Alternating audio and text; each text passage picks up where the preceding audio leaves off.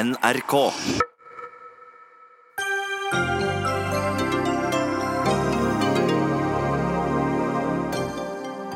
NRK beklager humorsketsjen der ordet jødesvin ble brukt. Skoleeksempel på uheldig håndtering, sier Monica Chango. Regjeringen vil tvinge universiteter og høyskoler til å utdanne flere sykepleiere.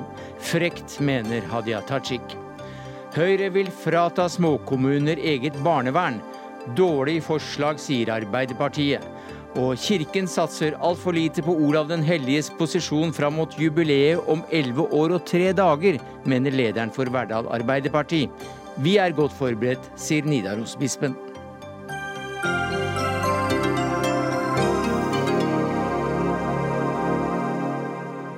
Ja, Det er noen av sakene i Dagsnytt 18 denne fredagen, der vi også får høre hvordan dyrevelferd kan bli lønnsomt. Men vi begynner med NRKs beklagelse. For etter nesten 400 kringkastingsklager og sterke reaksjoner, så beklaget altså NRK i dag den halvannen uke gamle Satiriks-sketsjen. Den viser en tegnet, eldre, tydelig ortodoks jødisk mann som maser på en yngre venn fordi han er så treig med å legge på et nytt ord. De sitter i parken og spiller et parti Scrabble. I det neste klippet som TV-seerne ser bak meg her, så ser vi den yngre mannens bokstaver, som gir ordet jødesvin. Mannen kvier seg for å legge ut dette ordet, og på Facebook så var videoen først lagt ut akkompagnert av teksten 'tagg en jøde'. Per Arne Kalbakk, du er etikkredaktør her i NRK. Du er også fungerende kringkastingssjef. Hva konkret er det NRK beklager? Det vi beklager er først og fremst at vi brukte ordet jødesvin i den sketsjen. Eh, det er et ord som eh, var, er unødig eh, støtende for veldig mange. Unødig sårende for veldig mange. Og vi skulle aldri brukt det. Så er det jo sånn at selve sketsjens poeng er at den ene spilleren da sitter i det dilemmaet at han for å vinne må bruke et ord som er krenkende for motstanderen. Eh, så uten at man fant et krenkende ord, så ville det jo ikke vært, noen, eh, vært, noen, eh, vært noe poeng i sketsjen. Men vi burde funnet et annet ord. Vi undervurderte den historiske konteksten for akkurat dette ordet, med Nazi-Tyskland, med antisemittisme og holocaust. Det blir for sterkt. Det står i veien for enhver mm. intensjon man måtte ha, og vi skulle ikke ha brukt det. Og vi beklager at vi gjorde det. Monica Chango, som journalist og, og, forfatter, så er du en av dem som har reagert sterkest på dette innslaget, bl.a. i Aftenposten. Hva sier du til dagens beklagelse? Eh, jeg hører at NRK sier beklager, men det som undrer meg, er at eh, det skulle ta ni eller ti dager fra dette her ble publisert fram til unnskyldningen kom, fordi at det så sent som i går så fikk jeg og alle andre som har eh, klaget på dette, her, fått, fikk fått vite at eh, det var ikke antisemittisme. Jeg siterer nå Charlo Halvorsen. Eh, for da hadde det ikke blitt publisert, men det var rett og slett vi som ikke forsto vitsen.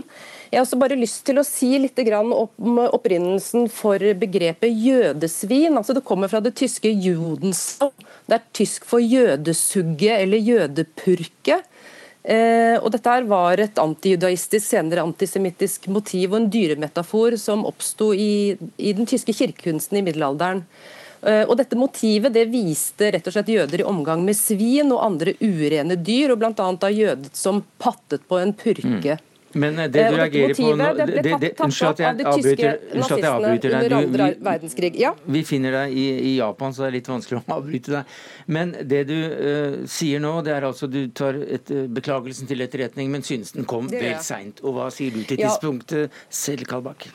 Nei, jeg har, har, forståelse for det. Og med fasit i hånd så er det jo lett å se at vi burde komme til denne erkjennelsen tidligere. Vi hadde altså på bakgrunn av alle reaksjonene som har kommet, og innholdet i en del av reaksjonene, også denne uken, så samlet vi eh, redaktørene i NRK, noen av oss, eh, til et møte i går ettermiddag. gikk gjennom saken, reaksjonene og, og innholdet i, i, dem, og ble enige om at det var riktig å beklage. Men halvannen uke er mange dager, da? Ja, det er det. Og så er det sånn at Men hvorfor tok det så lang tid? Dette er et satireinnslag. Satirens rom er, skal, være, skal, være, stort. Det må være stort i et samfunn. Det er et område hvor man kan behandle en del temaer på en annen måte enn man kan f.eks. i annen journalistikk. Og, og fordommer, eh, problematiske fordommer i samfunnet, er en av disse. Det er ikke første gang NRK har fått kritikk av folk, og mange, som mener at noe vi har publisert som satire, er støtende, krenkende, sårende. Eh, så, og det, Hvis man pirker borti den type ting med en intensjon om å gjøre satire på det, så vil det alltid tror jeg, være noen som syns at det ikke er noe morsomt, at det treffer feil og at det er sårende. Og da tar det, det tid å rydde opp i? Ja, det tar kanskje tid å ta inn over seg at dette var noe annet. Og det var såpass mange reaksjoner fra såpass mange hold at det tok, tok tid før vi kom inn til kjernen av problemet. Hva sier du til det, Monica Chango? Nei, jeg kan bare ikke fatte og begripe om alle også har vært på ferie når dette her ble laget. Fordi at er, Jeg bare lurer på, er, er dere helt komplett historieløse når ikke dere skjønner at bruken av jødesvin i den konteksten som dere har gjort, rett og slett er ren hets. Ja, vi er helt enige om at komikere skal bryte grenser og strekke dem, men dette her, det er hets historieløshet og helt humørløs. Jeg har lyst til å spørre, Hvem er det som har godkjent eh, bruken av jødesvin og det hele tatt dette innslaget? Mm. Det er jo sånn at uh, Satiriks og satireredaksjonen i Underholdning de ligger jo i NRKs redaktørlinje, på samme måte som alt annet innhold. Dagsnytt, annet, uh, Dagsnytt 18 i nyheter og hva det måtte være. De har en, uh, en prosjektleder, de har en vaktsjef, de har en redaksjonssjef og de har en redaktør. Og det Innslaget ble, sketsjen ble vurdert der på vanlig måte. Mm. Så da har denne, uh, hele denne gjengen her, altså flere personer, sittet og ledd, slått seg på låret og tenkt at uh, ha-ha, jødesvin, det er en flott satirisk uh, sketsj, og den bruker vi til å hetse de 1400 jødene som er igjen i Norge. Nei, det er, ikke, det er, nok ikke det som har skjedd. og det som, Nå er jo ikke Charlo Halvorsen her i dag, han har reist på ferie. Men det han har sagt, og i hvert fall har sagt til meg, er at intensjonen med sketsjen ikke var antisemittisk. Men at vi feil, eh, feilvurderte, undervurderte eh, det rett og slett kraften og den negative kraften i det ordet. og Det var en feilvurdering. Vi skulle ikke publisert det, men når det nå en gang er gjort, så er det beste vi kunne gjøre i dag, er å gjøre som vi har, har gjort. Til. Jeg har et spørsmål til. for dere har, Satiriks har tidligere gjort en sketsj hvor eh, man leier ut en konsentrasjonsleir til en gjeng med ungdommer og de kommer inn i gasskamrene og ser på de dusjene som eh, dusjet ned gass på flere millioner jøder og sier at her kan vi bo. Og så ser de da krematoriene, og så kaller de det for en pizzaovn. Så jeg lurer på, Er det noe sånn systematikk i at dere har lyst til å hetse jøder? For, for meg så virker det nesten sånn, for det er ikke første gang dette her har skjedd flere ganger. dette. Nei, det er ikke noen systematikk i at vi ønsker å hetse jøder. og jeg er ikke enig i at den gamle sketsjen du viser til eh, oppfattes sånn. og Det er heller ikke mange som jeg har hørt som oppfatter den sånn. Den forteller jo nettopp om historieløsheten og kritiserer historieløsheten. og Poenget der er jo at vi ikke skal glemme. Men jeg har lyst til å ta en litt annen vinkel inn. fordi Ifølge analyseavdelingen her i, i NRK, så er én av fire som ser på denne satirikkserien Norske grønnsaker, de er mellom to og elleve år gammel. Eh, hvordan ser du på det sett i forhold til eh, de sterke virkemidlene som blir brukt? Det er jo selvfølgelig et, et, dilemma. at Når man publiserer på internett, så har man ikke et vannskille som man har på, har på TV. Eh, TV altså Nettinnhold det ligger ute. Men det er umulig å styre det. og Jeg tror ikke det er noen farbar vei å si at vi slutter å lage satire som kan være skarp, støtende, fordi noen barn kan se det.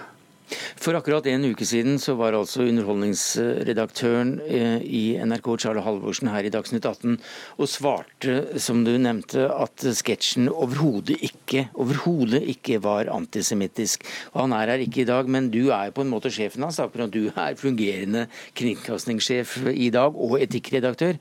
Hva er annerledes i dag enn det var for en uke siden?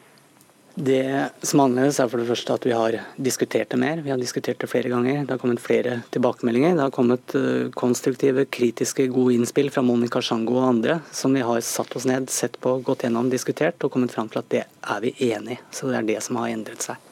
Så vi lytter til uh, massen som uh, også mener at nå må man ta seg sammen? Nei, ikke til massen. og det er ikke, det er ikke antallet klager, eller at det er internasjonale klager i tillegg, eh, som, som, gjør at vi har, eller at det kommer klage til PFU som gjør at vi snur. Jeg har opplevd å ha ansvaret for både sketsjer og annet innhold som har fått mange mange flere klager. Eh, mm. Som har fått en haug med klager til både Kringkastingsrådet og PFU, og vi ikke har snudd. Fordi vi mener at vi står inne for det vi, det vi har publisert. Men så skjer det også noen ganger, som det har gjort i denne saken, at vi ser at her har vi trådt feil.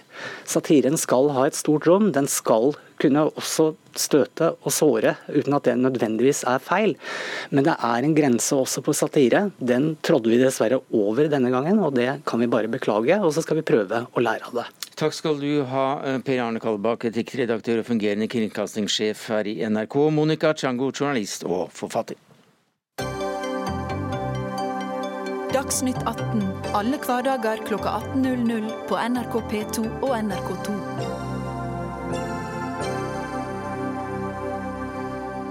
Som vi har snakket om mange ganger her i Dagsnytt 18, så er det varslet en sykepleierkrise. Løsningen på dette er at regjeringen må tvinge universitetene til å utdanne flere sykepleiere.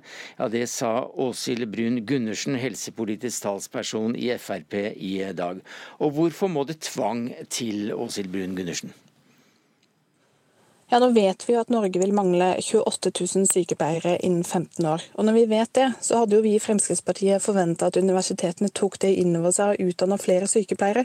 Det står jo altså her ikke om studentenes prioriteringer, for i fjor så sto det 13 000 studenter i kø som ikke fikk plass på sykepleien fordi universitetene ikke etablerte nok studieplasser. I år så ser vi at universitetene utvider studietilbudet med 225 plasser. Men vi trenger altså 2000-3000. Da er det jo nærmest en skandale og en uansvarlig prioritering av universitetssektoren. Og da mener jeg at enten så må universitetene prioritere de studiene arbeidslivet har behov for, eller så må vi politisk tvinge dem. Hva sier du til det, Adia Tajik, du er nestleder i Arbeiderpartiet og stortingsrepresentant?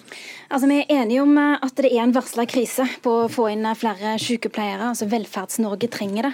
Men vi er uenige om hvem som skal løse dette problemet, og hvordan det bør bli løst. Altså, Jeg registrerer at Fremskrittspartiet peker på utdanningsinstitusjonene og sier at eh, det er de som må fikse dette. De må prioritere flere sykepleiere. Men egentlig så mener i hvert fall jeg og Arbeiderpartiet at dette er faktisk noe som politikerne kan og må løse helse. Og Vi har foreslått flere ting som Fremskrittspartiet har vært med på å stemme ned. Blant annet så har vi foreslått flere studieplasser, altså 3000 nye studieplasser, der en god andel òg vil gå til sykepleiere. Mens eh, Fremskrittspartiet har sagt nei, og har eh, snarere tvert imot gjennomført eh, ganske massive kutt innenfor høyere utdanning. Brun Gundersen. Ja, Vi bruker 37 milliarder kroner på høyere utdanning i Norge. Det finansierer 300 000 studieplasser. Det er altså helt uproblematisk for universitetene å omprioritere innenfor det. Fremskrittspartiet har en klar forventning om at universitetene skal prioritere å utdanne folk til jobb, og ikke til arbeidsledighet. Og Når vi da vet at vi særlig innen sykepleier nå har stort behov, så forventer vi at universitetene prioriterer 3000 av sine studieplasser til det, og heller kutter på de områdene, så vi vet fører studenter ut i arbeid arbeidsledighet. Så med andre ord, Det er noen andre som skal løse dette problemet for Velferds-Norge. Det er ikke Fremskrittspartiet, selv om de sitter i regjering. Altså, jeg hører jo at Fremskrittspartiet sier at man ikke skal utdanne folk til arbeidsledighet, men det er jo ikke det som er realiteten. De som tar høyere utdanning i Norge i dag, de får jo stort sett jobber, og de får det òg ganske raskt. De som ikke får jobb, det er de som ikke har fullført utdanning. Nå er det ganske mange som har søkt på høyere utdanning, som er motiverte og kvalifiserte til å bl.a. ta sykepleierutdanning, men som ikke kom inn fordi eh, høyreregjeringa mm. ikke har satt av plasser til det. Ja, Det grepet Arbeiderpartiet her peker på, det virker jo ikke. I 2018 så bevilga vi i regjering 100 nye studieplasser innen sykepleien. Fagbladet Sykepleien har regna på det, og det førte i realiteten til at universitetene kutta 145 studieplasser. Det førte til en reell nedgang, så selv om vi øremerka midler, så klarte universitetene å prioritere det annerledes. Det andre momentet som er veldig rart i forslaget til Arbeiderpartiet, det er at hvis universitetene ikke prioriterer studieplasser som fører til jobb, så vet de at regjering og storting skal komme løpende etterpå med penger for å sørge for at de prioriterer riktig. Og Universitetene har den aller viktigste oppgaven de gjør for dette samfunnet, er å utdanne den kompetansen arbeidslivet har behov for. Nå står vi overfor en helsekrise om 15 år hvis universitetene ikke tar disse grep grepa i dag, så vil vi mangle 28 000 sykepleiere. Man har, også, man har altså prøvd gulrot så mange år, og så prøver man litt pisk, og det er vel kanskje på tide? Altså, jeg er veldig spent på å høre mer om hvordan denne pisken her skal fungere. For Foreløpig så sier jo bare representanten fra Fremskrittspartiet at dette må noen fikse. og Det har i hvert fall ikke de tenkt å gjøre. Mens Arbeiderpartiet sier at her er eh, forslaget, her er pengene, det går an å gjøre det, sett trykket bak det. Men for å få inn flere sykepleiere så må vi òg gjøre mer enn å opprette flere studieplasser. Vi er nødt til å beholde de som faktisk tar den utdanningen, i de jobbene. I dag ser vi at én av fem av de som tar sykepleierutdanning, etter ti år så slutter de i det yrket. Og hva er grunnen til det? Jo, vi vet jo at arbeidsvilkårene til sykepleierne er ganske pressa. Men nå, akkurat nå snakker vi om, om, disse studieplassene, om man skal bruke tvang. Eh, men det er klart at lønnsspørsmål også kan være ganske interessant for sykepleiere å være i jobb. Men eh, det blir spurt her, hvordan har dere tenkt dere denne mekanismen med tvang? Hvordan skal den gjennomføres? Ja, Fremskrittspartiet har ved flere anledninger tatt til orde for å endre finansieringssystemet. I dag gir vi 37 milliarder kroner til universitetssektoren og ber de om å utdanne folk, uten å stille noe utover krav om det. Hvis ja, man endrer finansieringssystemet... Ja, hva slags krav og hva slags endring er det du ser for deg her? Ja, La oss si at 20 av det man ga til universitetssektoren var en øremerka pott hvor de får når de utdanner folk til jobb. og Det går an å fint måle. To år etter endt utdannelse, hvem er det som har kommet i en relevant jobb? For i dag har universitetene ingen insentiver for å prioritere de studietilbudene som fører folk ut i jobb. Og Det er jo symbolet på det. Når de nå ser at arbeidslivet vil eh, ha et så stort behov for sykepleierutdanninger, og de ikke prioriterer det, da er det noe riv ruskende galt med finansieringssystemet. og Det mener vi i Fremskrittspartiet vi må se nærmere på. Nå får universitetene en mulighet til å rette opp i dette. Mm. og Hvis ikke de gjør det, så står vi altså overfor en stor helsekrise, og det er ikke Fremskrittspartiet interessert i å se på. Og så okay. ser Arbeiderpartiet bare vil øke øke, øke antall studieplasser hele tiden. Men da blir det neste spørsmålet hva, hvor mange mennesker i Norge skal ta høyere utdanning. Det vi også vet, er at vi kommer til å trenge 18 000 helsefagarbeidere. Så vi har like stort behov for at flere skal velge fagutdanning, og da kan man ikke bare utvide universitetssektoren til det uendelige. Ok, men Da har vi hørt at eh, Fremskrittspartiet vil øremerke midler til, fra, altså hos utdanningsinstitusjonene til, eh, som, til, utdanninger som gjør at man kommer i jobb. Antagelig noe av det sykepleie. Det er fortsatt uklart hvilke utdanninger det er Fremskrittspartiet mener at ikke fører til jobb. Altså, så langt har jeg ikke sett noe dokumentasjon på at det er altså et tilfelle. Det vi vet, eh, er jo at de som har høyere utdanning, i all hovedsak kommer seg ganske raskt ut i arbeid. Men det Fremskrittspartiet da ikke vil, det er å sikre sikre at utdanningsinstitusjonene får mer penger til å opprette flere studieplasser, selv om det står tusenvis av kvalifiserte søkere i den andre enden som ikke kom inn i dag. Og dette er folk som Velferds-Norge trenger. Det er Arbeiderpartiet beredt til å gjøre. Sette pengene på bordet, sette trykket der det hører hjemme, og få flere dyktige sykepleiere på plass. Mens Frp altså sier at eh, flere penger har vist seg ikke å virke. Det var vel en slags konklusjon. Hadia Tajik, eh, takk skal du ha som nestleder i Ap. Og Åshild Brun Gundersen, helsepolitisk talsperson talsperson i Frp.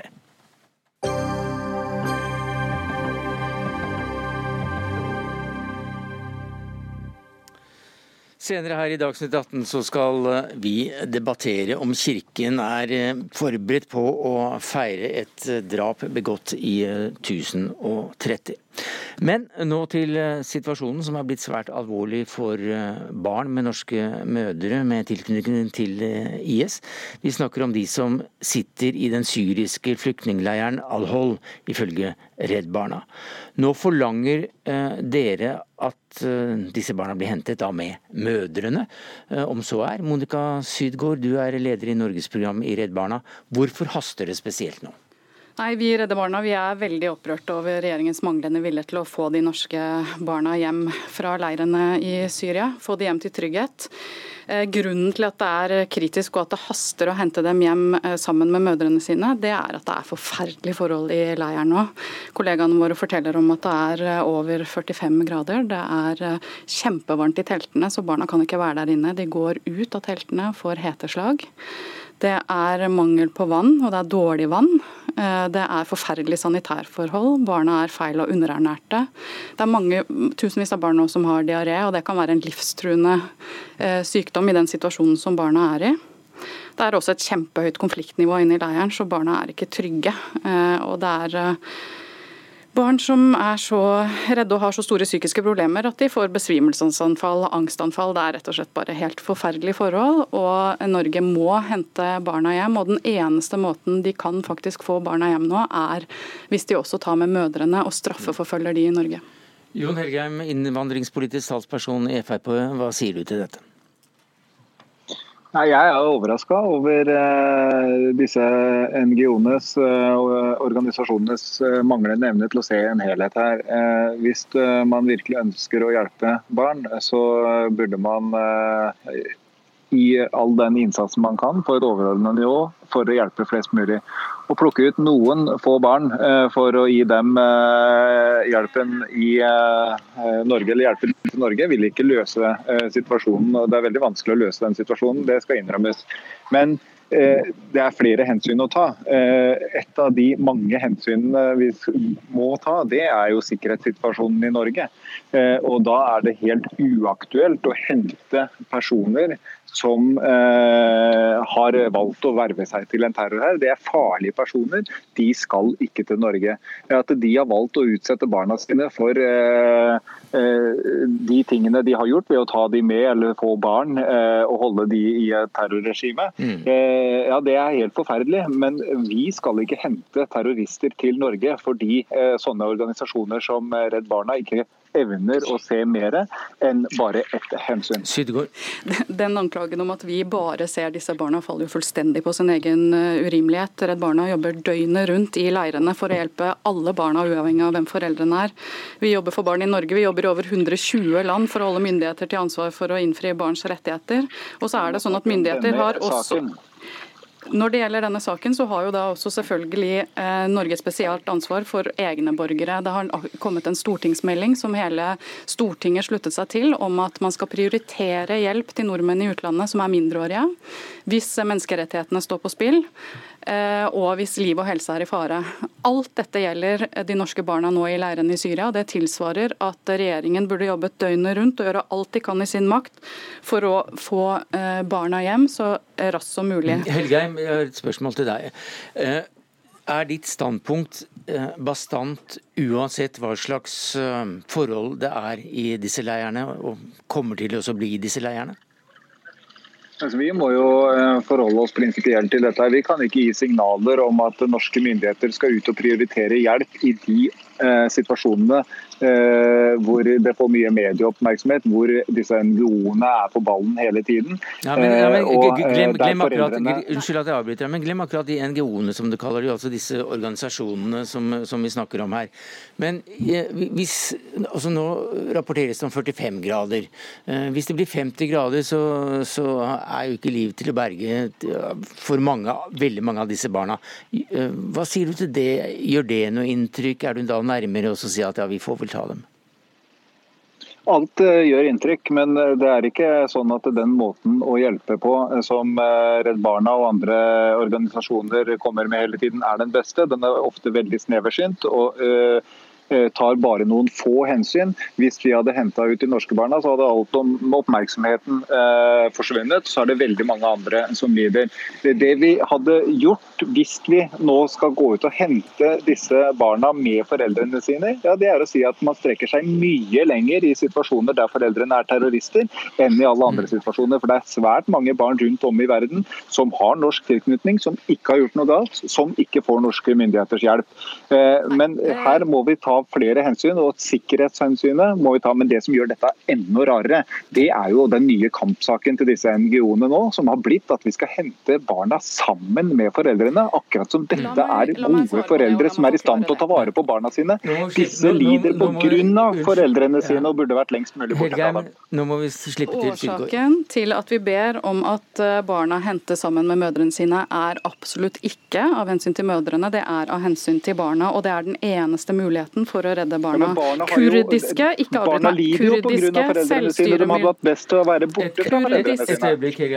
Kurdiske selvstyremyndigheter har gjentatte ganger sagt i mediene at de ikke vil eh, sende tilbake barna uten at mødrene er med. For det andre så er det sånn at det er veldig lite sannsynlig at mødrene vil sende barna fra seg i den situasjonen de er. Og for det tredje så er det mest sannsynlig heller ikke lovlig. Nå er det ledende eh, både barnerettighetseksperter og eksperter på på Den europeiske menneskerettighetskonvensjonen som sier at den situasjonen som regjeringen nå har satt i eh, familien i, der man sier at eh, du kan velge å gi fra deg barna, ikke er et fritt valg, og dermed også er det heller ikke lovlig. Så eh, hvis eh, regjeringen ikke tar konsekvensen av det og henter barna sammen med mødrene sine, lar de få sin straff og bli straffeforfulgt i Norge, så eh, sier de rett og slett at de er villige til å la de norske barna lide for sine for, eh, mødres ugjerninger. Det er uskyldige barn som er ofre for krigen. Og prisen da, som Helgheim er villig til å la barna betale, er et eh, liv under umenneskelige forhold, i utrygghet, med fare for livet sitt, med tørst, mm. med sult og ingen framtid. Men, men Sydgaard, som leder av Norgesprogrammet i Redd Barna, så, så, kan du kanskje også se at uh, en statspolitikk kan ikke bevege seg ut fra temperaturen i en, i en flyktningleir? Nei, her må man være konsekvent. og Det er jo derfor også vi ber Norge følge sine egne eh, prinsipper. Men allikevel så er det akkurat denne situasjonen i dag som det roper varsko for, fordi at nå blir situasjonen helt utholdelig. Ja, vi har fra første stund uansett bedt mm. Eh, Norge om å hente eh, de norske barna hjem sammen med mødrene sine, og regjeringen kan absolutt ikke ta, ta sommerferie fra denne problemstillingen. De må bidra til å redde barna. Takk skal du ha, Monica Sydgaard, leder for Norge-programmet i Redd Barna, og til deg, Jon Helge Engelheim, innvandringspolitisk talsmann i Frp.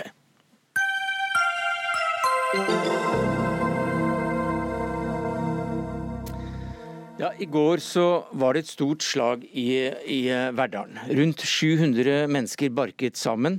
I dag er det våpenhvile, men i morgen blir det mer dramatikk. Og det gir seg ikke før den 29. klokka 21, også kjent som Olsok. 800 000 mennesker har sett dette siden spelet om Olav Digre med tilnavnet Hellige eh, ble oppført i, eh, i 1954. Eh, Slaget sto som kjent i 1030, og rett rundt svingen i historisk sammenheng er da tusenårsjubileet. Og da gjelder det å være godt forberedt, men kirken burde vært mye mer aktiv og sikre Stik Stiklestads posisjon foran denne markeringen. Det skriver du i Adressa, leder i Verdal Arbeiderparti, Arild Pedersen. Hva er det du etterlyser? Jeg etterlyser at eh, vi får bevega kirka i mye større grad nå bort fra den generelle godviljen og over på mer konkretisering, mer substans i forhold til hva som skal være kirkas ambisjoner, kirkas bidrag til det utviklingsarbeidet som skal mm. foregå på Stiklestad fram til 2030. Ja, Hva slags ambisjoner bør en kirke ha i denne forbindelse? Det jeg etterlyser i Henfasen, det er f.eks. at de kirkelige miljøene i Norge evner å pare fotene sine i mye større grad, sånn at man får knytta sammen noen partnerskap som kan bidra også på den verdslige sida, i tillegg til den religiøse, til å ta løs noen utviklingsprosjekt som gjør at vi får opp noen nye muligheter både for samfunnet og for kirka fram mot jubileet i 2030. Skrekkscenarioet mitt, for å sette det på spissen, det er jo at vi står igjen med et jubileum i 2030 der kirkas bidrag blir ei ekstra festgudstjeneste. Og Det er jeg opptatt av å unngå. Det er derfor jeg reiser hen debatten nå, elleve år før jubileet. Ved siden av deg i, i Trondheim på Tyholt så står Herborg Finseth, biskop i Nidaros. Hva sier du til dette, er dere forberedt? Jeg tenker at dette er en kjærkommen etterlysning fra deg. Eh, fordi at eh, det som du som programleder allerede har sagt, tida går veldig fort. Eh, nå er det ikke sånn at vi er på bar bakke. Kirka er sterkt involvert i det planleggingsarbeidet som nå foregår mellom mange parter. Hvor det nå er oppretta en nasjonal styringsgruppe hvor Stiklestad nasjonale kultursenter er med, Verdal kommune er med, Trondheim kommune Olavsfest, som altså er denne festivalen som foregår ei uke hver sommer i, i Trondheim. Nidaros biskop og restaureringsarbeidene. Vi er altså en bred allianse i Trøndelag som samarbeider med SNK, Stiklestad nasjonale kultursenter, som har fått oppdrag om å utvikle jubileumsfeiringa. Det har, det har SNK, som vi kaller dem for, for å forkorte litt, fått i oppdrag ifra fra Stortinget. Eh, så det er ikke tatt ut av løse luft at vi engasjerer oss i dette. En del av dette eh, engasjementet og det vi holder på med, er jo foreløpig ikke så synlig. All planlegging må, må foregå en stund før den virkelig bryter vannskorpa. Mm. Så det er ikke så svart som du håper. Pedersen, vær så god. Det er litt som jeg innleder med programleder. Jeg tror nok jeg har med meg, eller jeg vet at jeg har med meg både Verdal kommune ved ordfører og formannskap når jeg sier det at vi, vi synes at det går litt sakte eh, med kirka når det gjelder akkurat det med å være villig til å forplikte seg i større grad til eh, en del utviklingsprosjekt knytta til Stiklestad. Kan ta f.eks. etableringen av regionalt pilegrimssenter ved Stiklestad. Etableringen av et kirkelig senter ved, ved eh, SNK, altså i Stiklestad prestegård. Eh, det å være en pådriver f.eks overfor Opplysningsvesenets fond, som er en del av Herborg Finsets kirkefamilie, ja, i mye større grad til å være med og bidra. bidra. De forvalter tross alt verdier til 4,4 milliarder på vegne av kirkefamilien. Det må være mulig mm. å ta ut også et mye større så, så det, potensial så, det, finansielt. Det, unnskyld at jeg avbryter, er litt vanskelig, dere sitter to oppe, oppe på Tyholt. Eh, men du vil også ha eh, penger på bordet også, du? Som eh, leder for Arbeiderpartiet i Verdal, også eh, kommunen der Stiklestad er? Altså Den norske kirke det er et av Norges aller mest ressurssterke organisasjoner. 86 eh, av trønderne er medlemmer i kirka. De har betydelige muskler å stille opp mm. med dersom at man evner å pare mm. fotene sine. Og en kommune skal være vertskommune. Vi tar vertskommunerollen vår på, ansvar, nei, på alvor, men Verdal kommune kan ikke bore denne typen mm. partnerskap fram mot et sånt jubileum alene. Derfor etterlyser jeg nå at Kirka i mye sterkere grad enn før kommer på banen i denne type spørsmål. Vær så god. Ja, vi trenger, vi trenger, oppmerksomhet og finansiering langs alle ja, ja, akser. Ja, men, altså, men, ta, ta, ta, unnskyld at jeg avbryter deg igjen, men ta utfordringen nå penger på bordet. Dere forvalter 4,5 milliarder kroner. Dette tusenårsjubileet er viktig. Hva kan du gi? OVF rår ikke jeg over. Eh, det gjør heller ikke Kirkerådet. Det har en helt egen styring som er grunnlovsforankra. Eh, og det tror jeg vi vet, både jeg og du Pedersen, at, eh, at dette har helt spesielle styringer på. Som, det er en sparegris verken jeg eller du kan knekke. Men jeg tror det er kjempeviktig at vi holder oppe fokus på at dette nasjonaljubileet handler om Stiklestad, det handler om samarbeid med Trondheim, det handler også om andre nøkkelsteder i Norge. Og skal vi få til et nasjonalt jubileum, så det er kjempeviktig at vi samarbeider, og at vi får staten på banen, sånn at vi får den tyngde og får det fokus vi trenger for å få utvikla denne satsinga. Og den forkortelsen som vi stadig hører, det er altså da forkortelsen for pengesekken til, til Kirken, så er det sagt. Men du som, som, leder av Arbeiderpartiet, og du er også da eh, kandidat til eh, Nidaros bisperåd for øvrig. Du slår alarm nå, men eh, du, er, du, er, ikke for sent ute. For det er jo da tre dager, eh, elleve år, til eh, tusenårsmarkeringen. Nå er vi i en fase som biskopen innleda med, hvor at SNK fra Stortingets side jo, det, har fått det, det, det, er, det er tre år og elleve Nei, det er elleve år og tre dager til. Elleve år og tre dager, ja. ja. Vi, altså, Biskopen redegjør for innledningsvis at, eh, at nå har Stiklestad nasjonale kultursenter nettopp levert sin sluttrapport på forstudien til det som skal skje i 2030. Der er det brede partnerskap med. Men det jeg utfordrer biskopen og Den norske kirka på, det er å ha større ambisjoner enn å være passasjer på toget som går til 2030. Og Derfor ønsker jeg et mer forpliktende samarbeid, en større motivasjon til å ta en aktiv og offensiv rolle også fra kirkas side for å bidra finansielt, men også på hvordan man kan være en påvirker f.eks. i enkelte prosesser. Det gjør jo ikke noe om biskopen snakker med OVF, selv om hun ikke rår over OVF.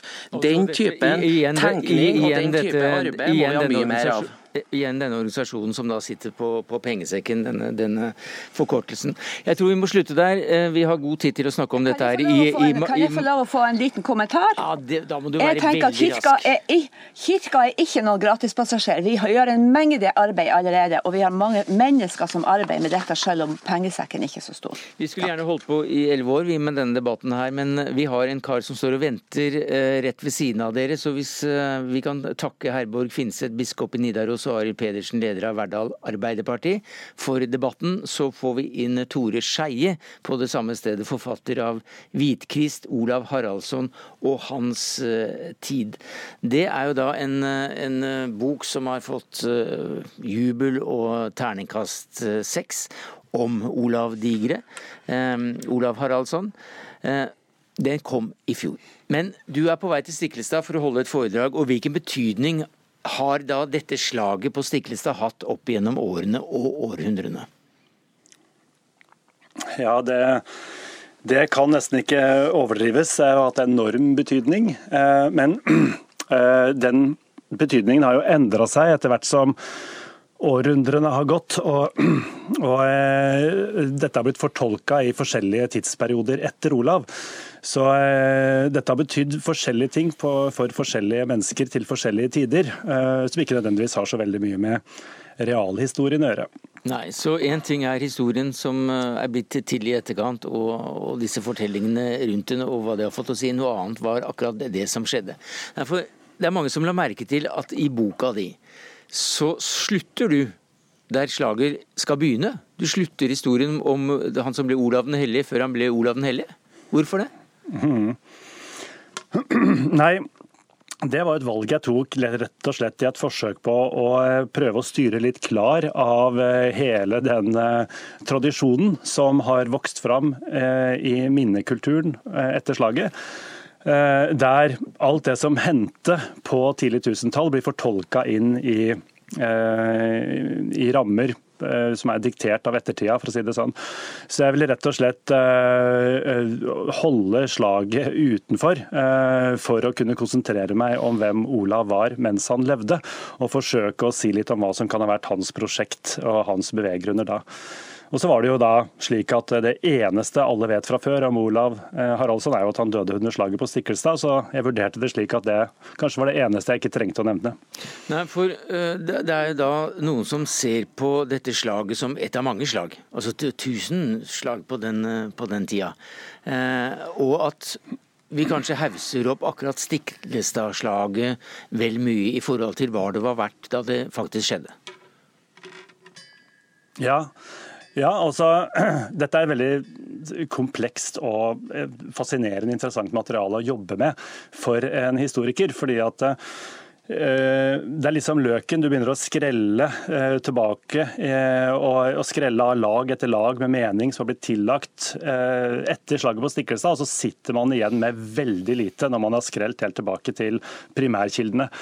Og eh, Den kanskje litt kjedelige sannheten er jo at vi, vi vet egentlig veldig lite om Olav, eh, om hvordan han var. Og vi vet lite om selve slaget og, og hva som foregikk der. Mm. Men så, så, Det er på en måte kanskje ikke så viktig sånn i historien i seg selv, men den betydningen som dette har blitt gitt i ettertid, den er det jo helt umulig å forestille seg vårt Norge uten. Ja, for dette har med nasjonsbygging å gjøre, og dette har med, med den kristne eh, historien i Norge å gjøre. Men du ser dette like mye eller vel så mye som en del av, eh, av noe større, også et, et nordisk prosjekt som, som der England spiller også en, en, en stor rolle, og som er vel så viktig som akkurat å se på selve slaget. Ja, altså i, i, min bok så har jeg forsøkt å nærme meg dette her med litt, uh, litt uh, andre briller på. Og, og, skrive Olavs historie, slik den lar seg rekonstruere med primærkildene, inn i en mye større uh, geografisk kontekst, og se på det med hva skal vi si, den nordeuropeiske det nordeuropeiske politiske landskapet på den tiden som bakteppe. Og da er det jo en helt annen Olav som trer frem, som ikke er noe sånn ruvende eh, nasjonal grunnlegger eller en ruvende kristningskonge, men som er en veldig typisk eh, eh vikingkonge på slutten av vikingtida, som eh, virker å ha oppført seg etter den tids eh, norm, og levd og dødd etter den tids norm. Og Her eh, er det også et stort prosjekt eh, som var et slags vikingprosjekt på, på, den tiden, der England også sto for fall med, med danske, en dansk konge som regjerte i store deler av Nordsjøområdet, som du setter som et slags bakteppe for å forstå Olav den hellige. Ja, og for å si at det nasjonaliseringen av Olav og av denne historien, det det har gjort, er at man har på en måte trukket dagens norske grenser ned over fortida. Og så har man definert det som foregikk innafor der som norsk historie og derfor relevant. Og alt som foregikk utenfor er litt sånn irrelevant, det er noe annet. Men hvis man hever blikket litt og ser dette i en mye større kontekst, så ser man at eh, hele Olavs prosjekt og hele Olavs livshistorie utspiller seg jo som en del av en mye, et mye større drama. Eh, og det dramaet er altså da en skandinavisk eh, utplyndring av det engelske kongeriket, det angelsaksiske kongeriket i England. Der eh, danske konger ledet an, og der vikinghøvdinger og vikingkonger fra hele Skandinavia deltok. Man reiste dit og, og henta sølv som man brukte i intern maktkamp i Skandinavia. Så endte dette her da med at England faktisk ble erobra av den danske kongen Knut den mektige, som var også da Olavs eh, herre, og som ble Olavs banemann. Det var han som sto bak bondehæren på Stiklestad. Og slaget på Stiklestad må også ses ut ifra eh, dette bakteppet, så husk det neste gang du drar på Stiklestad-spelet, eller spel om Olav den hellige. God tur til Stiklestad selv, det er litt å spå het stemning der, for værmeldingen spår 35 grader under spelet i, eh, i morgen. Det blir nok ganske varmt eh, i Vadmel og Ulserker. Takk skal du ha.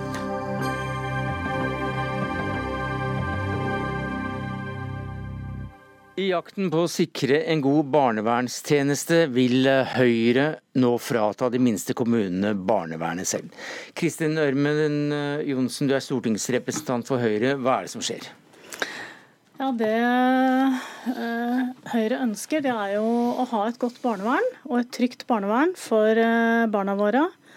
Og det er klart at varselklokkene ringer når vi får vite at det er eh, over 40 kommuner som ikke har fem ansatte i sitt barnevern. Og Det gjør at eh, barnevernet i de kommunene blir veldig sårbart. Det handler om at hvis en blir syk, eller en går i svangerskapspermisjon, eller kanskje en flytter, så blir det en mindre, og det blir vanskelig også å kunne rekruttere. En annen ting som eh, også er bekymringsfullt, det er jo det at det blir veldig tett i eh, små kommuner. Og du kan jo risikere, om det er en barnevernssak, at det er enten naboen din som skal vurdere hvordan situasjonen er i hjemmet, i hjemmet, om du er i stand til å ta vare på barnet, eller hva slags hjelpetiltak du skal ha. Så Vi mener at disse kommunene eh, Vi skjønner at de ikke har ønsket å gå i kommunesammenslåing. Det vi får respektere det, men eh, vi mener at de bør gå inn i et interkommunalt samarbeid, som veldig mange kommuner har i dag. Det er ikke det ideelle, men det er bedre enn at eh, du har en liten kommune mm. med få ansatte. Hva sier du til det, Kari Henriksen, du er stortingsrepresentant for Arbeiderpartiet? Ja, nei, altså Dette er nok en gang eh, et forsøk eh, fra Høyres side på å eh, omdefinere det som virkelig er problemene. For disse varselklokkene de har faktisk ringt i mange år.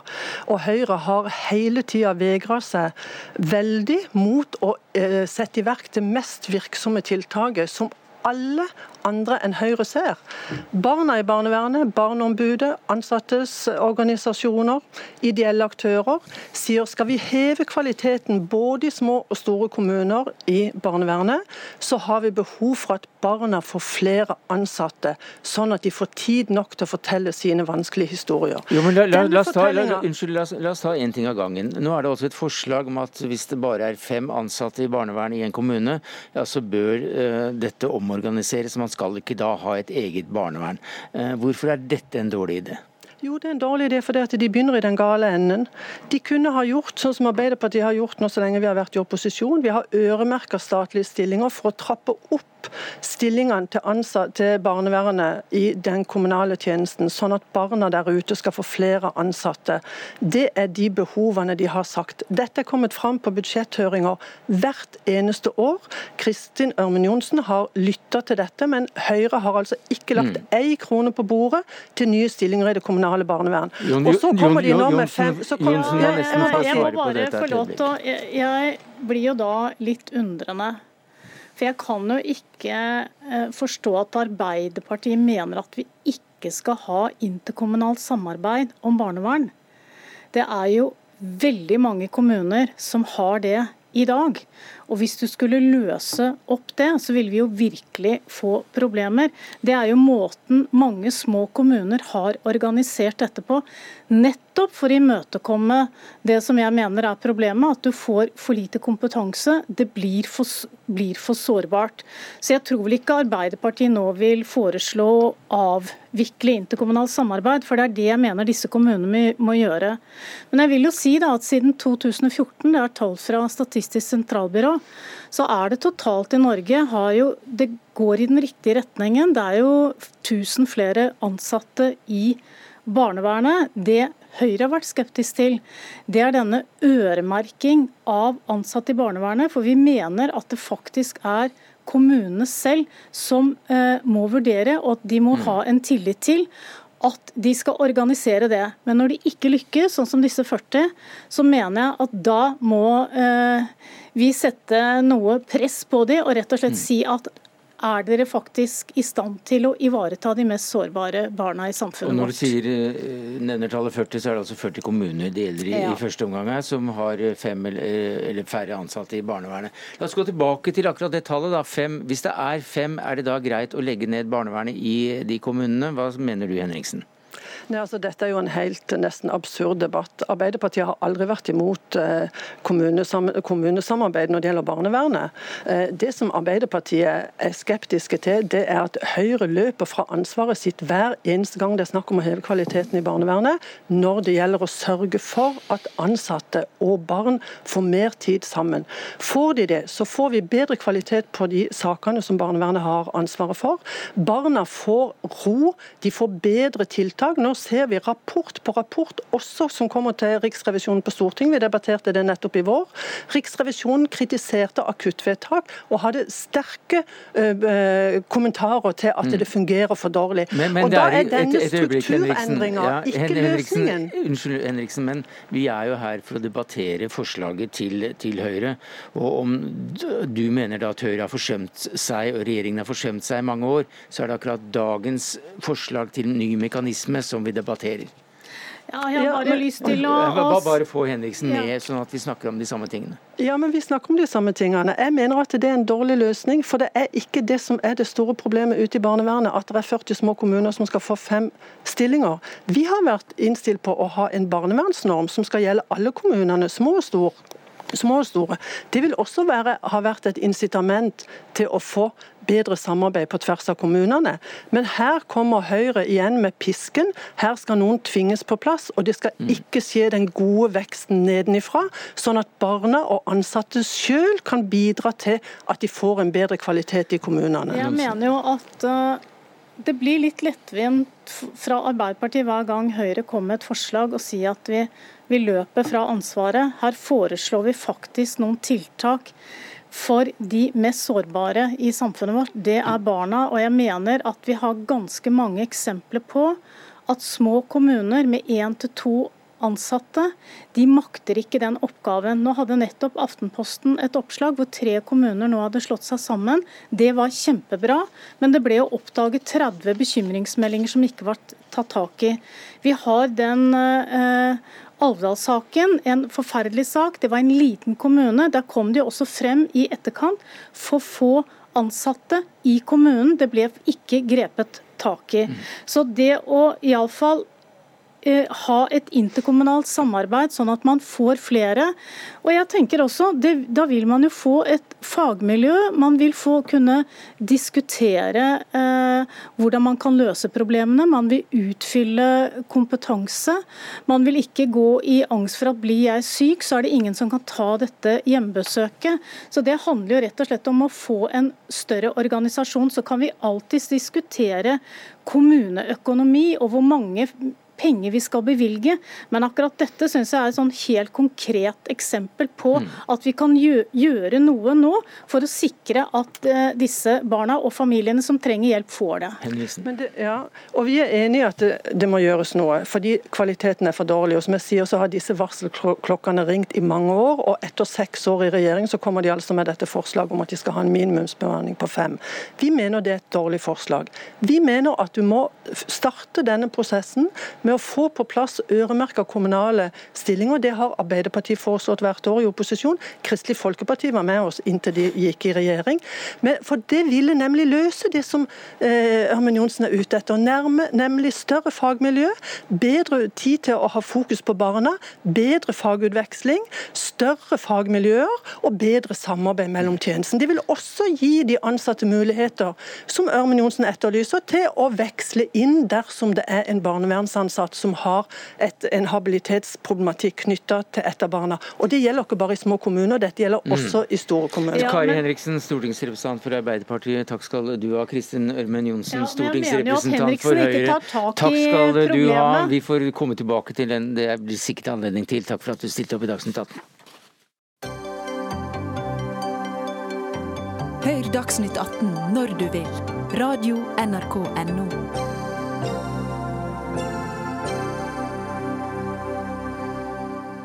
noen fikk seg kanskje en sommerkotelett i vrangstrupen i går da Dagsrevyen viste bilder av en gris som ble skållet, og som kanskje var i live. Det er ikke lenge siden Brennpunkt-dokumentaren 'Griseindustriens hemmeligheter' ble vist heller. Og hvordan bør da krav til dyrevelferd kobles på landbrukstilskudd? Vegard Bø Bahus, du er, har en kronikk i VG i dag der du, der du akkurat kobler disse to tingene. Du er advokat og forfatter av boka 'Dyrevelferd'. Stemmer det. Jeg tenker det kan være lurt å se på alternative virkemidler her, eh, i stedet for å bruke pisk. I stedet for å styrke og eh, rett og slett gå inn med tvangsmidler, straff, lov og dom. Rett og slett stimulere eh, bøndene husdyrholderne til å på en måte gjøre de riktige valgene.